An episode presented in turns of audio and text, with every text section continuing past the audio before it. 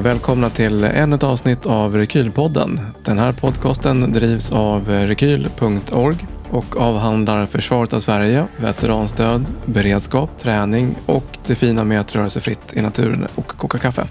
Och eh, idag så är det jag, Jon Svärdhagen, som har den stora äran att ha med ingen mindre än överste Ulf Henriksson, sheriffen i Vares, som var med och satte upp och ledde insatsen B01 i Bosnien 1993 till 1994.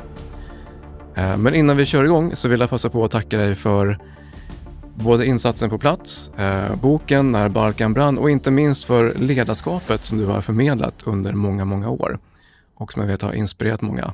Varmt välkommen Ulf Henriksson. Tack så mycket. Jag tänker idag så vi kommer att prata mycket om, eh, om B01. Eh, berätta om upptakten till B01. Ja du, första gången jag fick en aning om det så var det, jag för mig det var runt första mars 93.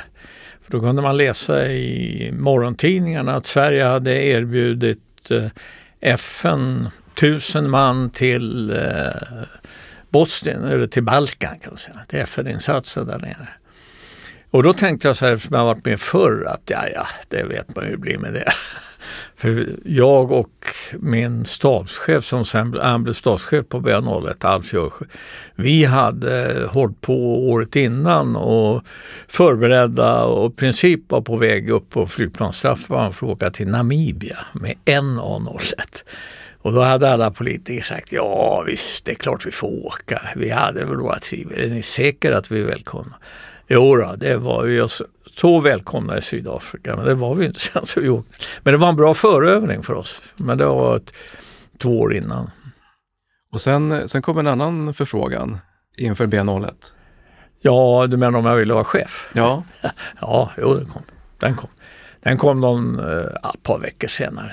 Och och eh, då ringde ÖBs chefsutvecklare som det hette, översten Rune Hall och frågade vill du vara chef för en styrka i, på Balkan? Och då svarade jag ja, visst. för jag hade varit, var oerhört besviken över att det inte blev någon resa till Namibia. Jag tänkte nu är det kört, det blir ingen utlandstjänst. Men då kom det. Sen eh, när jag hade sagt det och lagt på luren så kom jag helt plötsligt på att jag skulle ha frågat hustrun först. Men det löste vi sen. Det löste sig, ja men ja. exakt. Och hur var de politiska turerna i Sverige? För det här är ju, var ju en insats som skulle sättas in i ett pågående inbördeskrig. Ja, det var en hel del diskussioner om detta. Och man tyckte att eh, inte kan vi skicka svenskar dit. Men man glömmer sin historia fort. Vi skickade ju folk till Kongo, det var ju nog så tufft alltså. Men sen hade det uppstått en tradition att vi skulle inte åka ut i något farligt och då hade det varit mycket, det var Mellanöstern, det var ju också farligt emellanåt men eh, det var ju kanske inte på daglig basis. Men eh, hur skulle den här styrkan se ut? Och vi som skulle åka var helt övertygade om att man skulle ha pansarfordon. Eh, de som skulle betala var inte lika angelägna över det. Eh, och då uppstod en diskussion om våra fordon dög istället. För då tyckte man att den där gamla pansarbandvagnen den är ju snart 25 år gammal. Eh, men vi som hade åkt och använt den dagligen hade inga problem med det alls. Och dessutom hade vi många och de hade inte gått så många mil så att eh, vi tyckte inte det var något problem. Men vi hade en match, det var ju nog tur, vi hade ju dåvarande ÖB Bengt Gustafsson stöd för det här. Och, eh, men det var mycket motstånd även inom försvaret på att åka med pansarbandvagnar och grejer. Men eh, det som gjorde att eh, blev pansarbandvagnar, det var ju, vi kom in nämligen på risker och hur många liksäckar ska vi ha hem. Mm. Eh, och då ökade villigheten att ha stridsfordon. Eh, dessutom fanns det andra saker som att en, eh, pans en mekaniserad bataljon den kunde vi ställa upp ganska fort. De stod ju i mobbförråden. Mm. Men, men som sagt det var ett visst motstånd för detta. Och hur, hur tacklar man motståndet? Jag tänker att det är... Ja, då får man, man får ju argumentera med de argument man har. Mm. Och eh, vi som skulle åka hade ju inga problem med det. Vi, vi, jag tror att det bet man sa, ja, hallå, åk själv ungefär. Att, eh, och, och, och sen fanns det ju bilder på tv eh, nästan dagligen från kriget på Balkan och det var ju hårda tag emellanåt. Så att eh, vi fick som vi ville. Det Mm. blev PBV. Just det. Och då satte du upp eh, Nordbat 2 som bestod av tre pansarskyttekompanier. Ja, Ett stridsvagnskompani också. ja, det där var ju en pågående historia så att säga. Det började med att det skulle vara tre skyttekompanier. Och då, det var då vi började, jag framförallt reagerade på, för att då tyckte man att vi skulle åka terrängbil 20. Och det var inte riktigt, riktigt bra.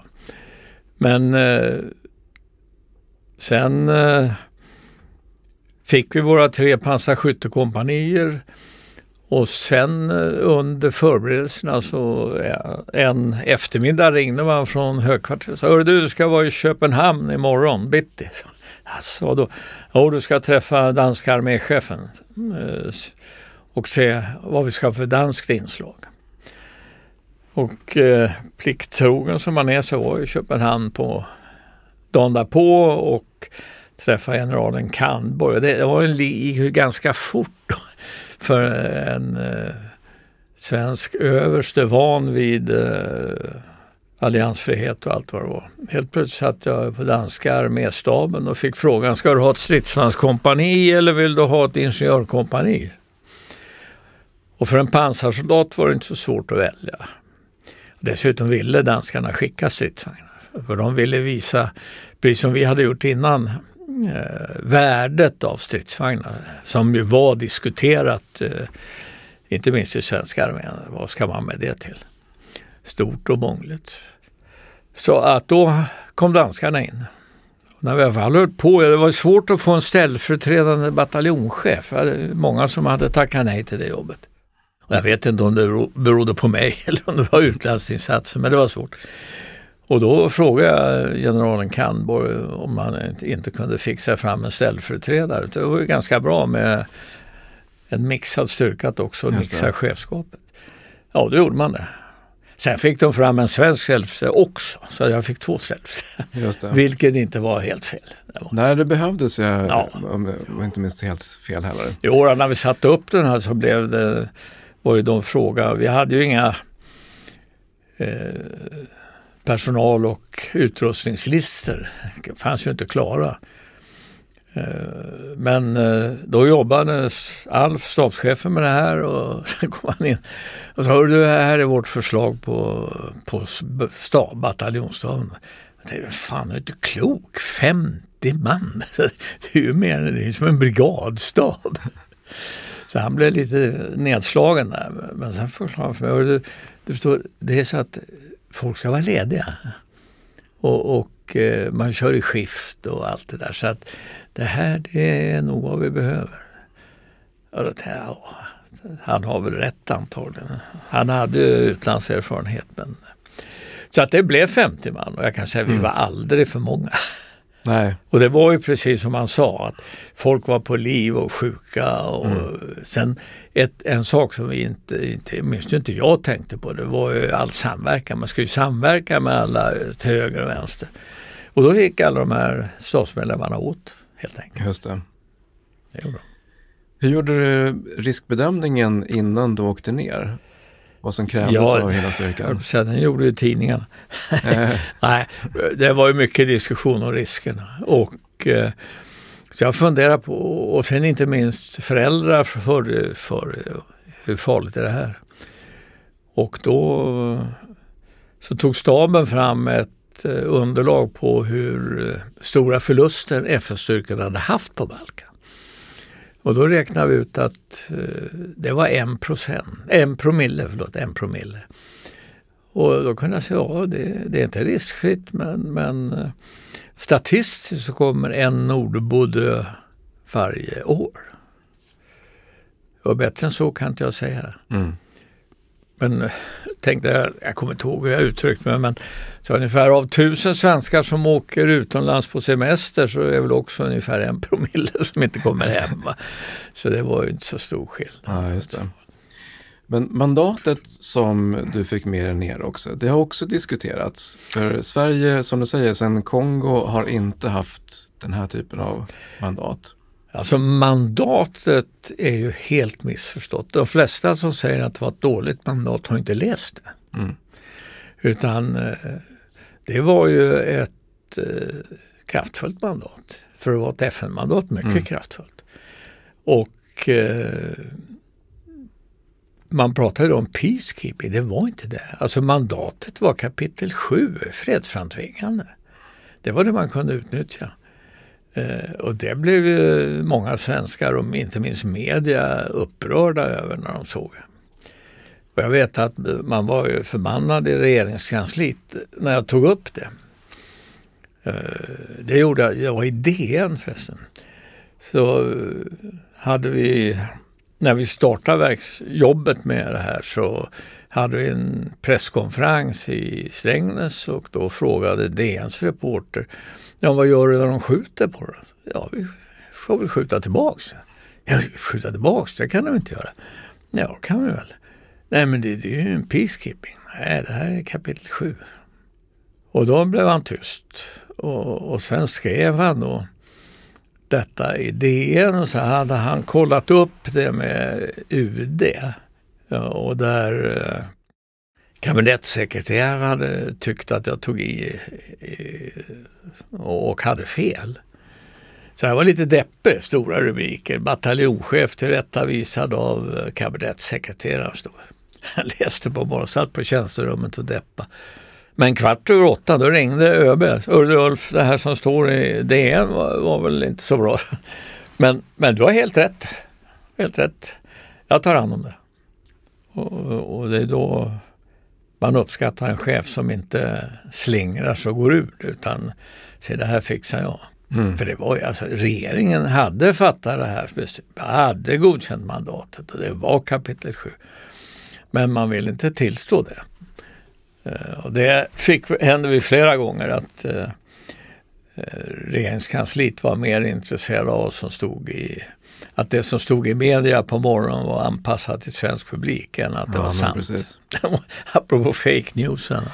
För där, eh, vi kommer att komma till det sen, att det fanns ju många andra kontingenter på plats också som kanske hade en annan tolkning av det, även om det var samma mandat som du hade.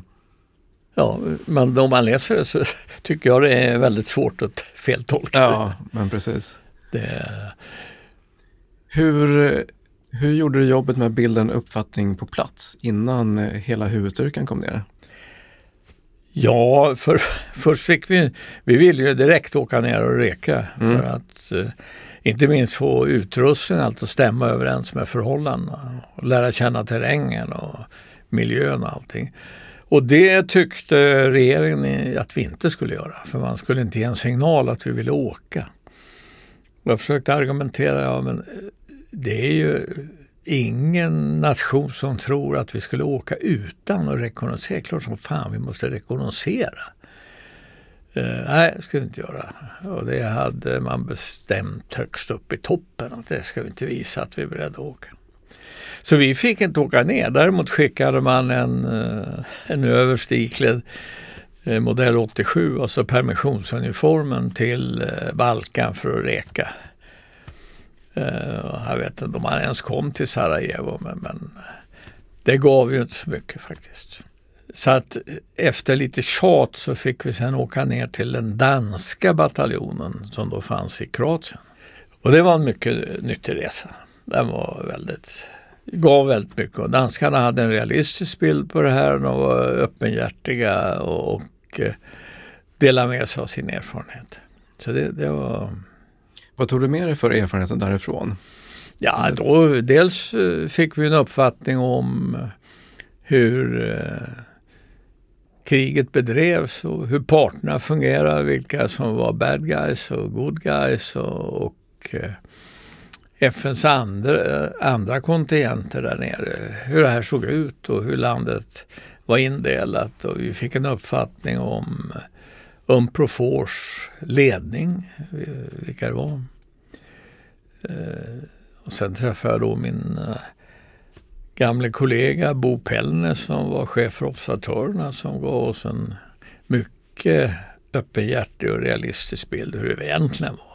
Mm. Han tyckte att det var för tidigt att skicka ner svenska för det var för tufft. Så att eh, då fick vi en hyfsat bra uppfattning. Just det. Och hur var det då? Alltså om man säger att den var realistisk, vad innebär det? Vi, eh, ja, man fick uppfatta stämningen, miljön, eh, fick en bild av kriget och mycket sönderskjutet. Även om det inte var i närheten av det vi ser från Ukraina nu. Och en uppfattning av befolkningen också alla var ju, även om de var lite tveksamma, men de var ju vänliga och, och, så. Och sen lärde vi också först att bara för att det är krig på pappret behöver det inte vara krig överallt. Alltså det var ganska mm. trevligt i Zagreb och i städerna där nere. Och jag eh, kommer fortfarande ihåg att min eminente kvartermästare Torkel Karlberg när vi satt på hotell Intercontinental i Zagreb första kvällen i 25 grader värme och hade det mysigt. Ja, det är hårt i missionen, chefen. men han skulle bara veta. Det blev lite hårt också. Men det var, det var ett angenämt klimat till att börja med. Mm. Ja, men precis. Det blir, det blir ju en, eh, en annan verklighet. Du har ju eh, mer ett ledarskap som jag uppfattar som har varit väldigt tydligt från start. Ja, jag har använt arméns ledarskapsbok mm. har försökt att tillämpa. Eh, och eh, sen har väl också erfarenheten och tiden gett en del. Men i huvudsak tycker jag att den är himla bra bok. Det är bara att göra som det står. Mm. Problemet är att det inte är så bara. det, Nej, det ska tillämpas på rätt sätt. Det ska också. tillämpas också. Ja. Eh. Särskilt på plats nere i Balkan, så det fanns ju, det så var det inbördeskrig och sen så är det mycket machokultur och så vidare. Ja. Vad, hur tänkte du kring ledarskapet att kunna bemöta det här? Ja, alltså det, jag, jag var ju ändå brigadchef här hemma och hade ju en del erfarenhet. Positiv det allra mesta men sen har jag åkt på mina smällar också så jag hade väl har lite känsla för vad man kunde och inte göra. Mm. Sen har jag också lärt mig att eh, genom åren att ibland får man bli fyrkantig och bestämd och be folk hålla käften och göra som man säger.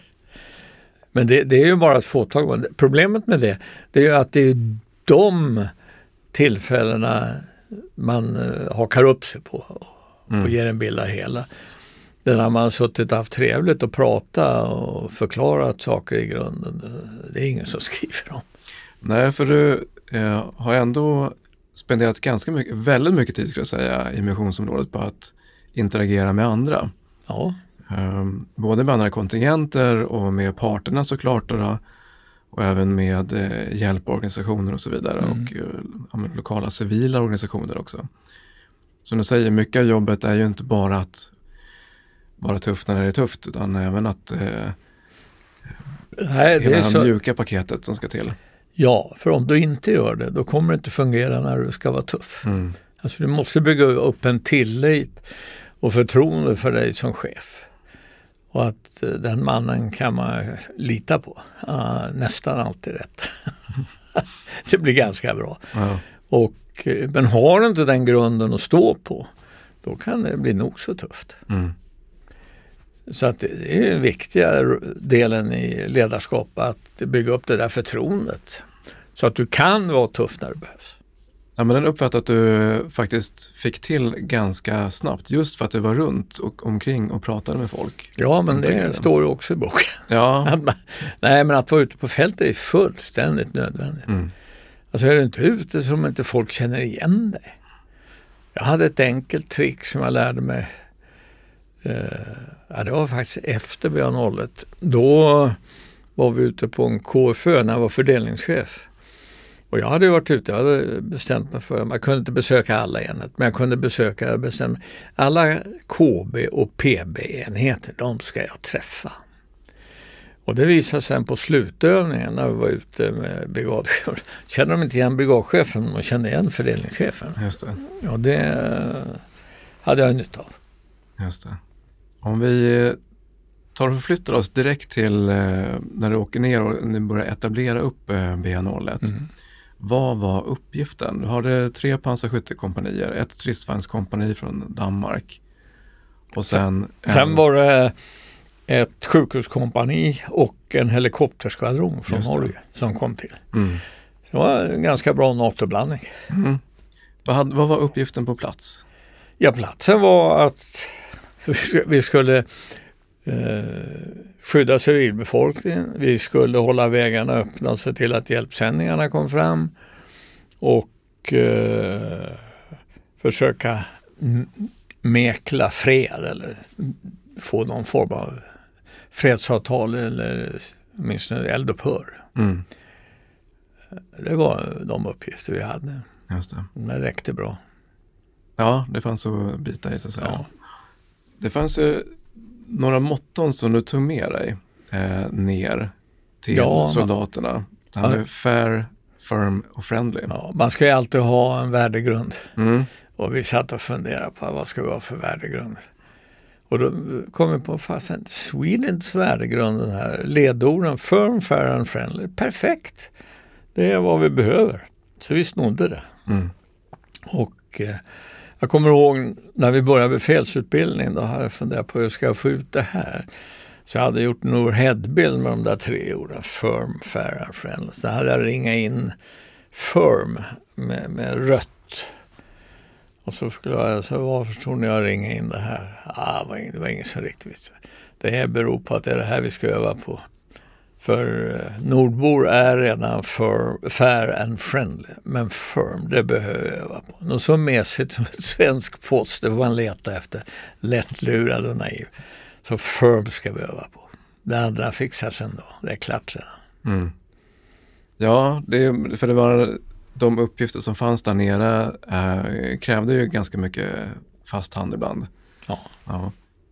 Vilka utmaningar, alltså de här olika kompanierna, eh, åttonde, nionde och tionde kompaniet, de hade lite olika utmaningar. Vad, vad hade de för respektive? Ja, det var ju tre olika förbandskulturer.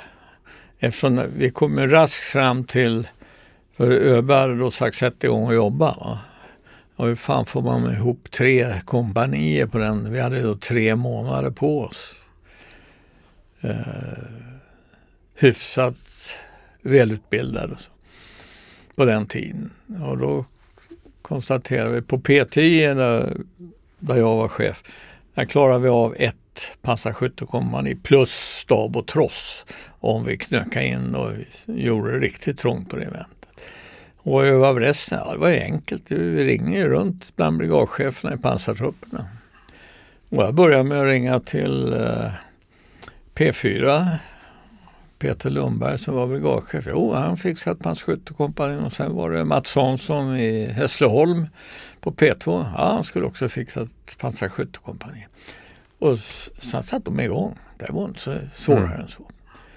Eh, Och hur det gick till exakt och vad som skrevs, det vet inte jag riktigt. Jo, det vet jag. Men för det vi...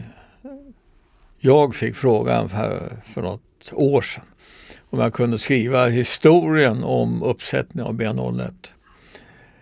Och då tänkte jag, ja fan, det är, det är bara att titta i handlingarna. Och då kollade jag att det fanns inga handlingar kvar. Det fanns inget arkiverat på Sweden, inte i arméstaben, fanns överhuvudtaget bara ett fåtal papper. Va? Om hur order hade givits och vem som hade sagt var. Eh, så att det var lite bekymmersamt och eh, krigsarkivet kunde inte hjälpa oss. Så det slutade med att Alf och jag gick ner i våra respektive källare och garderober och så letade vi i pappershögarna. Fick vi ihop nästan allting. Mm, Så att nu finns det på krigsarkivet för de fick grejerna efter. Men eh, egentligen kom vi ju överens väldigt mycket muntligt. Mm. Och, som jag minns det så var ju bara Peter och, och, och Mats och jag överens. Sätt igång, kör. Just det. Sen det som behövde skrivas, det skrevs med, skrev medarbetarna sen Mm. efteråt. Men de, här tre kompanierna de hade också lite olika eh, utmaningar på plats. Oh ja. Kan du berätta om ja. dem? Ja, de hamnade på lite olika ställen. Eh, och vi hade när vi kom ner så hade vi knappt camperna klara för oss. FN skulle ju fixa det, vilket de inte hade gjort. Men eh, då visade det sig att i lilla staden Vares söder om Tuzla, där var det kärvt. Där, där var man rädd för att kroaterna skulle ta över och allt. Och hade vi blivit av med Vares, då hade transporterna inom området blivit helt av, avskurna. Så det var ingen bra idé. Så det var bestämt att första kompaniet ska till Vares. Och eh, sen var andra kompaniet, det var åt, nej förlåt mig, åttonde då, de åkte till Vars. Andra, och sen tionde, de la vi i Tuzla på den gamla flygbasen. Och där fanns det ett gammalt eh, UNHCR tältläger där vi kunde köra in dem.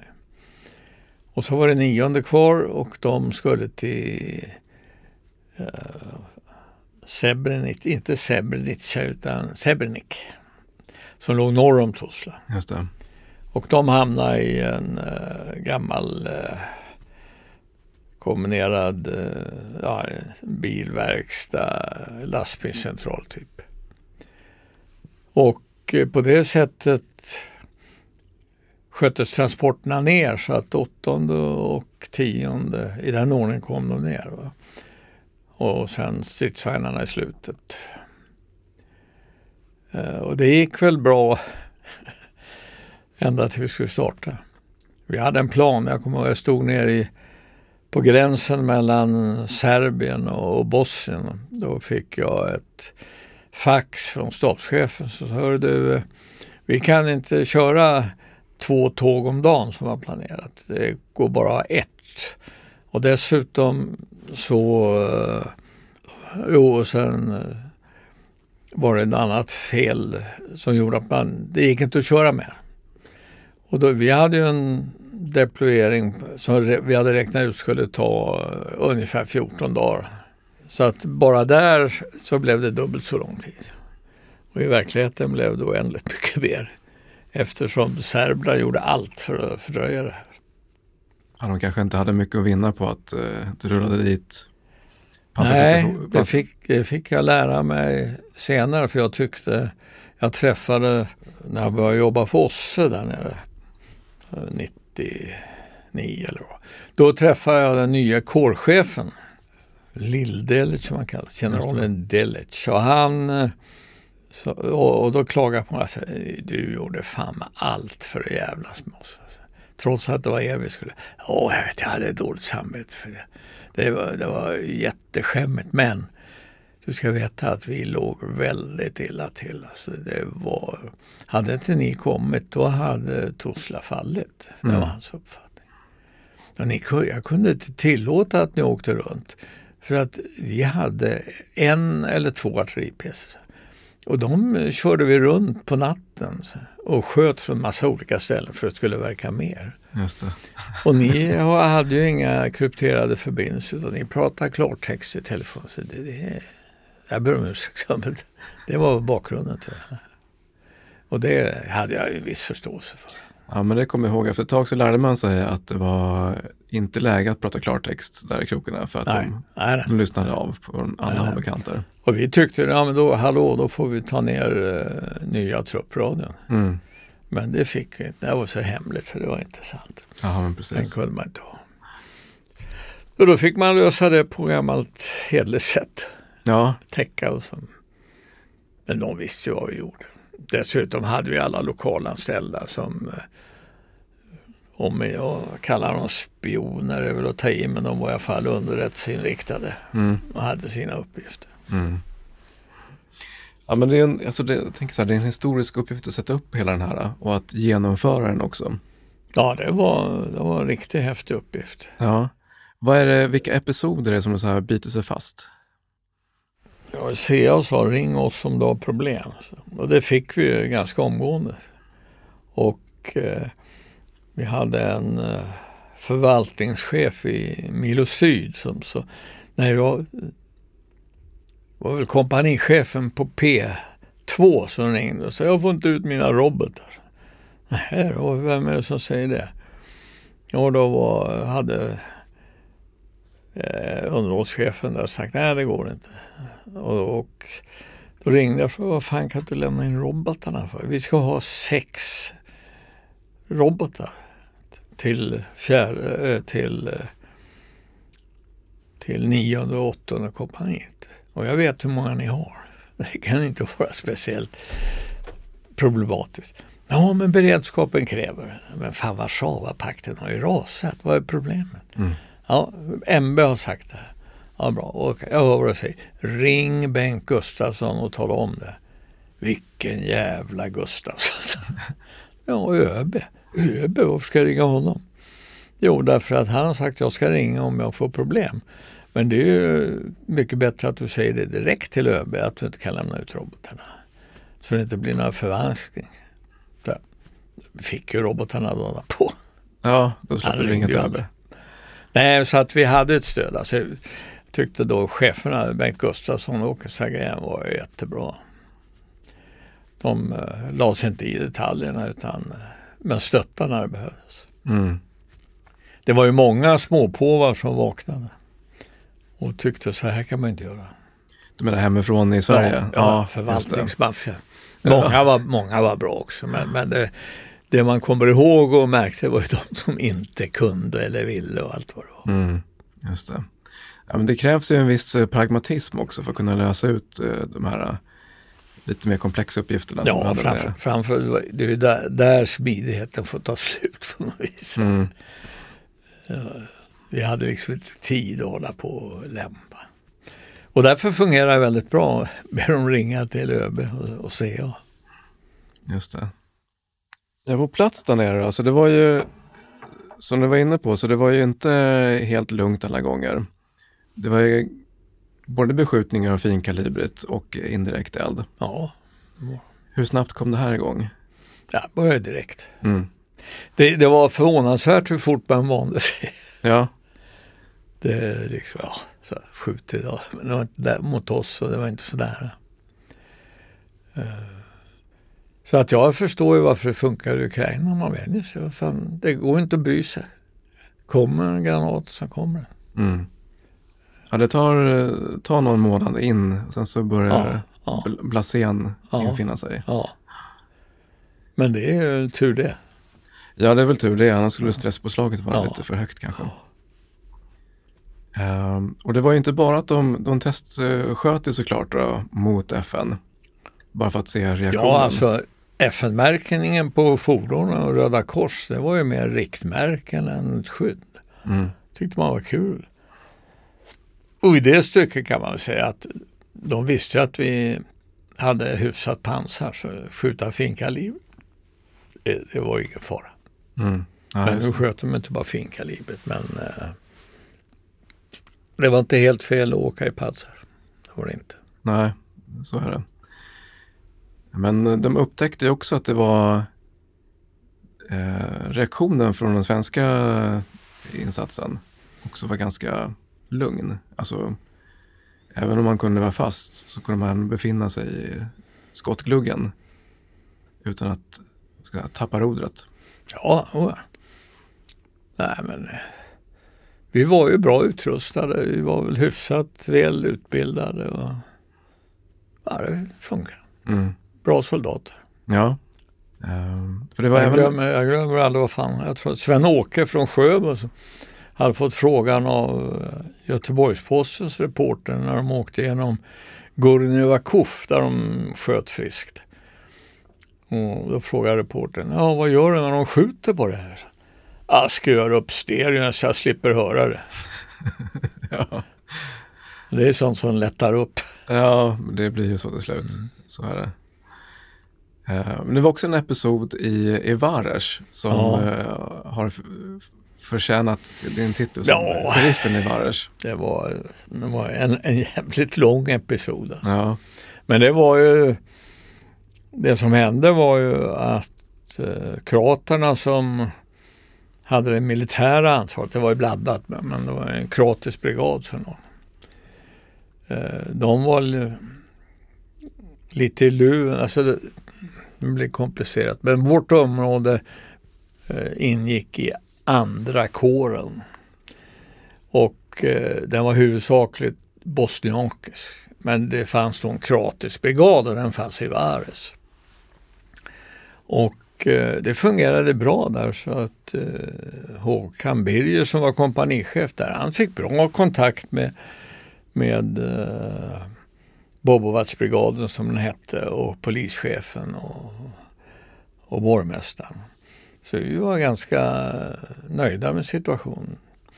Men sen helt plötsligt så hade det kommit ett gäng eh, eh paramilitärer från, från eh, Kiselak som eh, då var verkligen prokroatiska. Eh, ja, om man ska beskriva dem så kan man ju bara titta på IS-folk och andra. Alltså skägg och kalasjnikov, patronbälten och hela midvitten. Och eh, helt plötsligt så upptäckte kompanichefen att den ordinarie brigadchefen var utbytt, polischefen var utbytt och så gick de där grabbarna runt på stan. Och, och sen inträffade då en eh, incident i byn Stopnido. Vi visste inte vad det var men det sköts och det brann och, och grejer. Och eh, eh, i det läget så funderar man på vad gör vi åt det här då? Och eh, ställde krav på att komma in i byn och se vad som hände. Vi skyddade civilbefolkningen. Du kom inte in direkt för att eh, den låg eländigt till uppe i bergen. Men, och sen blev de, eh, befolkningen i Vares blev ju livrädda också. Så att även om vi inte kom in i Vares, eller i Stupnido så tog eh, åttonde kompaniet och ja, det var blandning, det var åttonde och tionde. Det var lite nionde också eftersom vi hade ju inte bataljon inne utan det var olika delar. Eh, de eh, skyddade soldater, eh, eller invånarna i Vares för både det ena och det andra.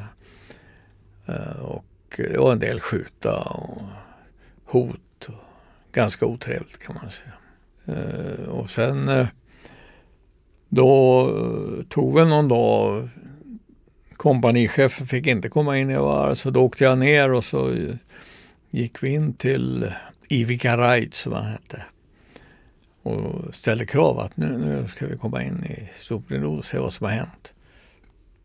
Och eh, det ville de inte och då sa jag, då jag ändå. Då. Nu var det mörker och regn och blött och jäkligt så jag hade faktiskt inte åkt in utan eskort. Men jag hotade att göra det. Då, då blev de lite skraja. Jag tänkte han åker tog fan upp. Men det hade jag inte för avsikt att göra. Bland miner och annat i mm. Men de fick sin tankeställare i alla fall. Så att, eh, då skulle vi komma in dagen därpå och lyckades de förhala det också. Så tredje dagen då kom vi in i Stopni.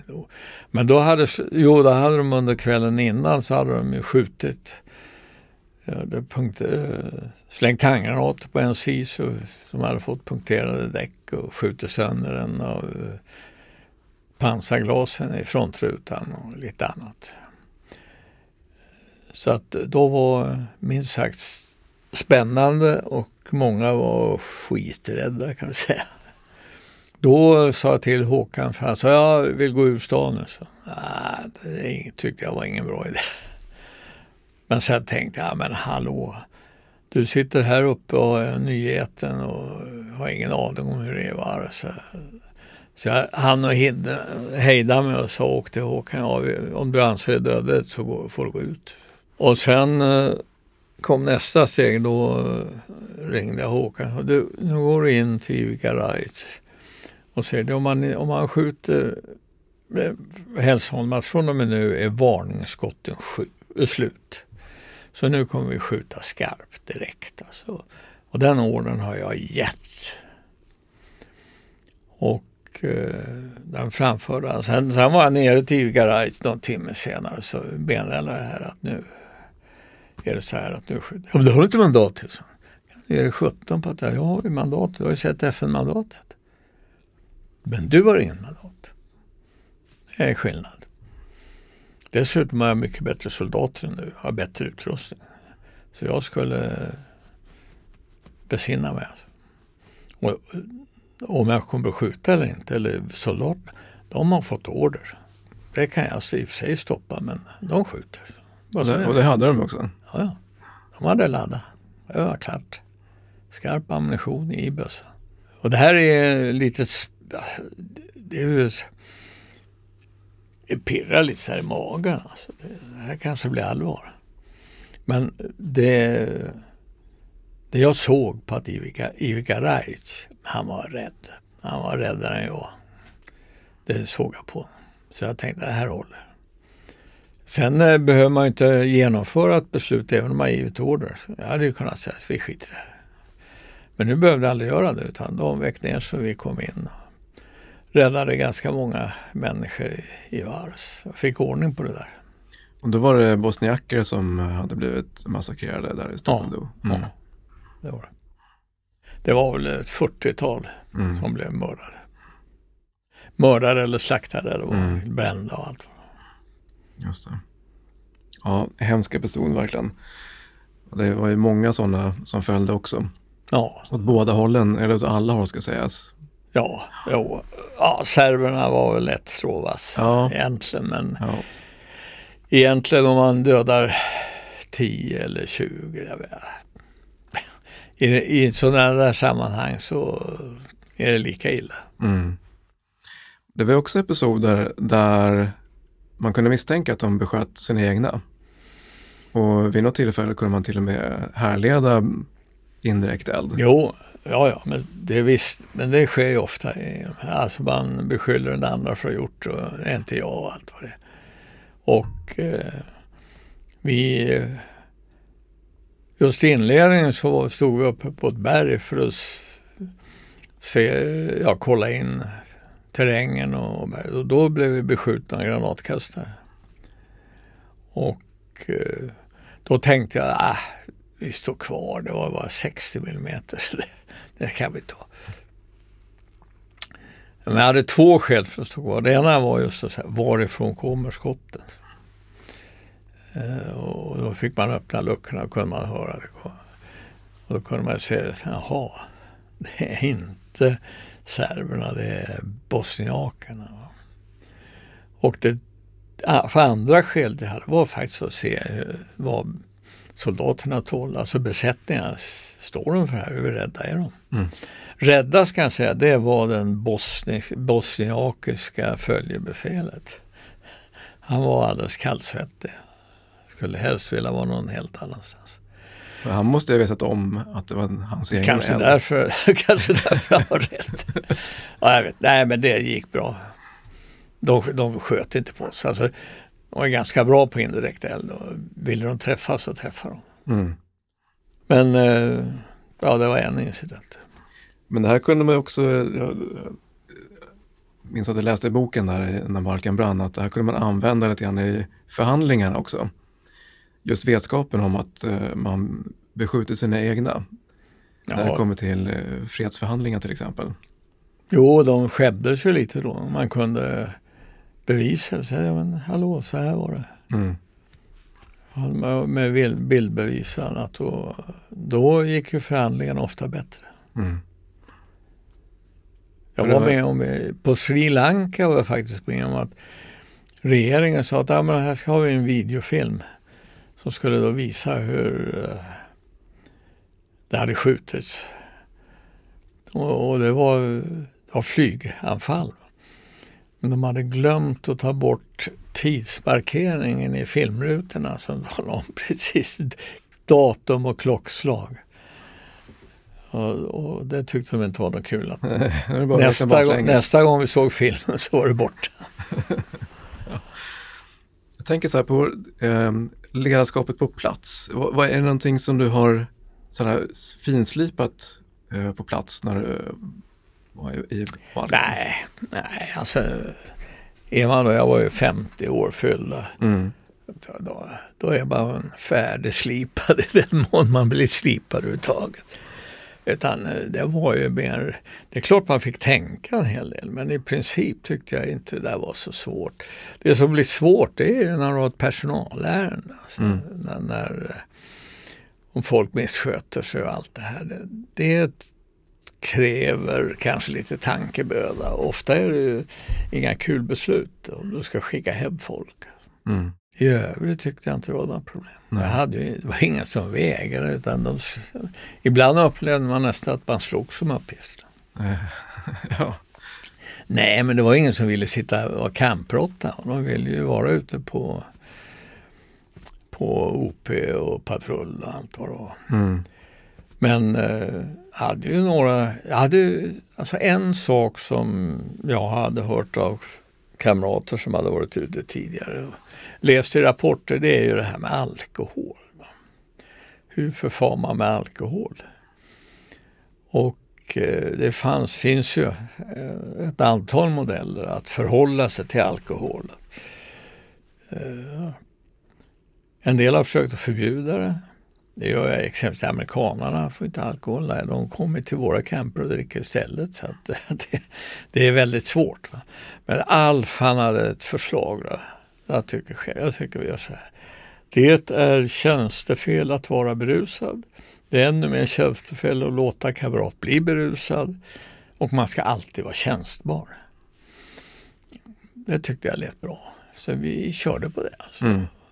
Och det funkar väl. Det är klart det var en och annan som var berusad någon gång. Det kommer det alltid vara. Mm. Men i huvudsak fungerar det. Men jag hade också bestämt mig. Första, jo så sa man, ja ja, är de onyktra då får soldaterna åka hem. Men officerarna de hålls om ryggen och det kom på vitsordet. Och det hade bestämt sig. Första officer som ballar ur, han åker hem direkt. Och det gjorde han. Mm. Eh, och det tror jag var en jädrigt bra markering. Alltså även om vederbörande själv inte tyckte det var något bra. Jag tyckte heller, ah, men, sådär. Men, men eh, man får, måste till ett antal markeringar. Alltså. Jag menar allvar.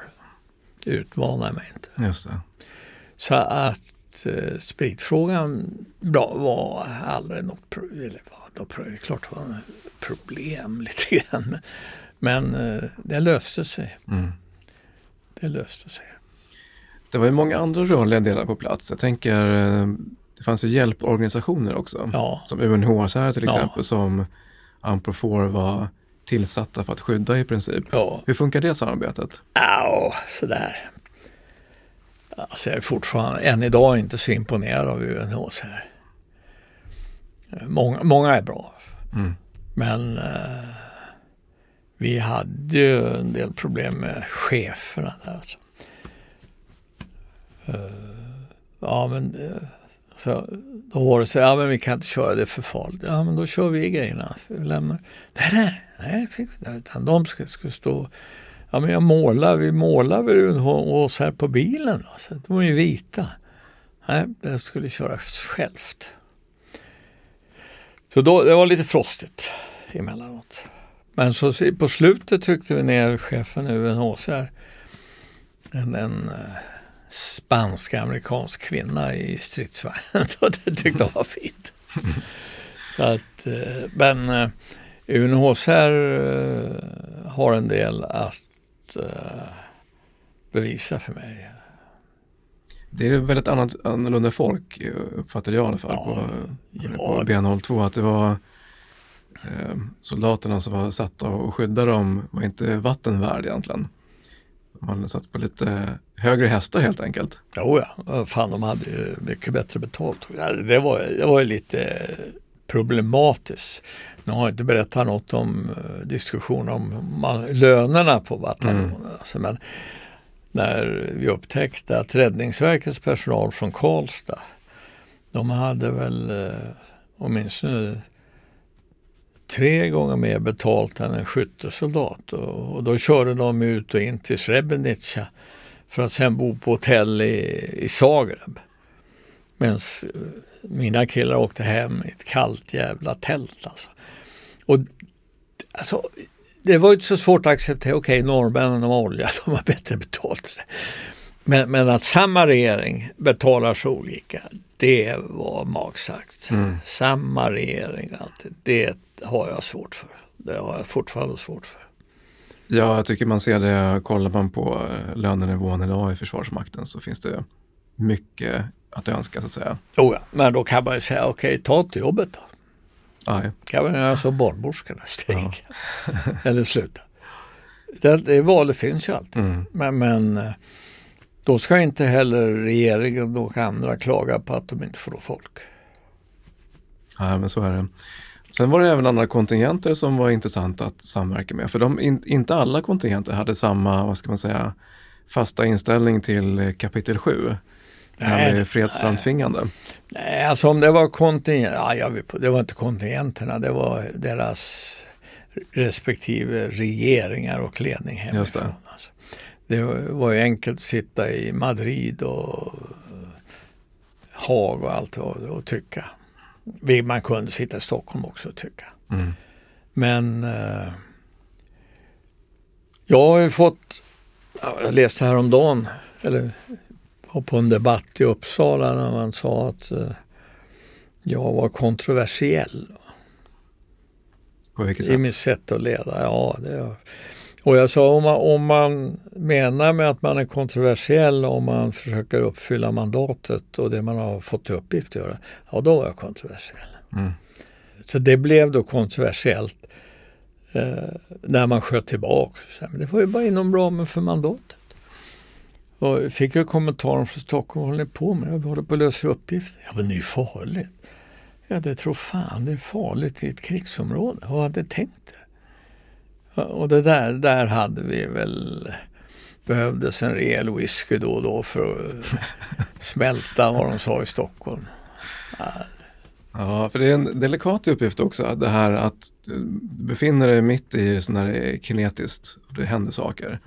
Men också uppgiften att faktiskt försöka få fram ett fredssamtal. Det är därför man är där. Man vill ju att de ska lösa ut problemet. Ja, jo men då kommer man in på något som lite svårt att förklara. Egentligen är det väldigt enkelt att förklara. Med huvuddelen av min tid då sitter jag och är vänlig och pratar med folk och lägger ut texten och bjuder på kaffe och hela baletten. Men det är man inte så intresserad av, bygger upp förtroende.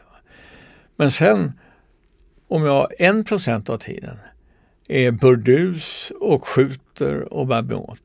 Det får ett enormt utrymme. Men att det där hänger ihop, det, det är inte många som förstår. Mm. Uh, och då blir man kontroversiell. För det är, det är lätt hänt att det, så mandat rinner ut i sanden och blir ett annat mandat plötsligt. Ja. Om man inte agerar på mandatet. Ja. Men eh, du var ändå med och lyckas jobba med fredsavtal på plats där? Ja, vi var inte speciellt framgångsrika. Vi hade några vapenstillestånd, mm. men, men, inte mycket. Mm. Eh, men det blev ju lugnare när vi sköt tillbaks. Så på det viset. ja men all, allvarligt talat, då insåg man att fan gäller att dra i huvudet. Mm. Och de har bättre grejer än jag, alltså skjut jag inte. Mm. Det är väldigt svårt att förklara för en del civila. Hur var, dans, apropå det, hur var danskarna att samarbeta med? Det var ju alldeles utmärkt. De var inte värre än skåningar. Nej, men de var bra. De, var bra. Mm. de hade minst lika tuff inställning som vi. Vi gör jobbet. Mm. Och det var också en skillnad. Alltså där, eh, när vi hade tränat och utbildat färdigt nere på Oxbö, danska pansarskolan. Då eh, ställde generalen Kannborg, då stod hela kompaniet uppe. Och sen lämnade han av hela kompaniet över sig. Härmed lämnar jag över befälet på kampvagnseskadronen till dig. Och så förklarade här är ditt kompani, ingen annan ska hålla på med det här. Och det eh, var ingen svensk som gjorde. I och för sig tyckte jag hade ett mandat av ÖB, men det tyckte jag var snyggt gjort. Just det.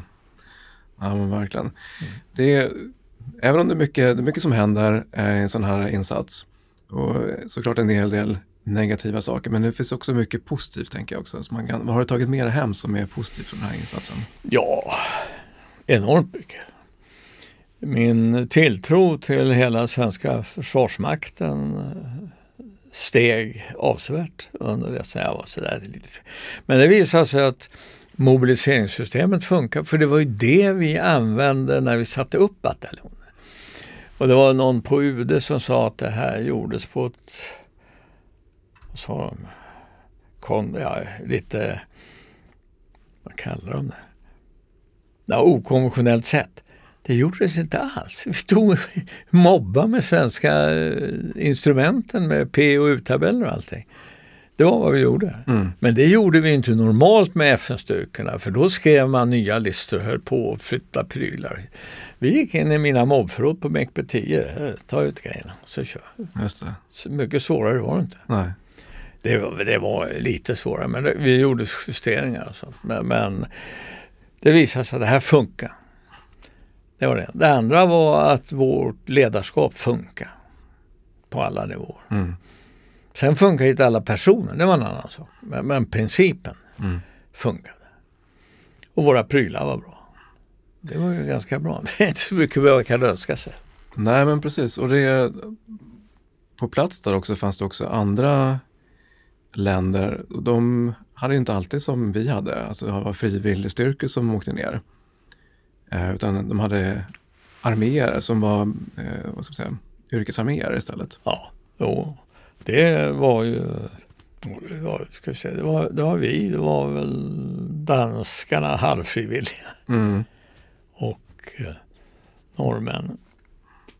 Och sen, ja, sen hade vi andra, Bangladesh och Pakistan och allt vad det var. Just det. Men eh, det funkar bra. Ja men det funkar bra. Folk men det, kommer från olika bakgrunder. Uh. Ja men, men det är alltså ett förband, militärt förband, det blir ju en spegel av samhället. Och har du då fair and friendly och demokratiska medborgare så får du det i ditt förband också. Svårare är det inte. Mm. Du, det börjar bli dags att runda av. Det har varit en stor ära att haft med dig här i Rekylpodden och stort tack för allt du har delat med dig av Ulf. Tack så mycket.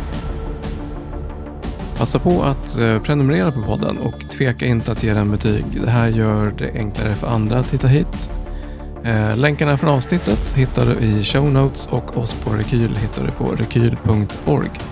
Och till sist, se till att öka din handlingsfrihet genom att ge dig ut och träna. Tja!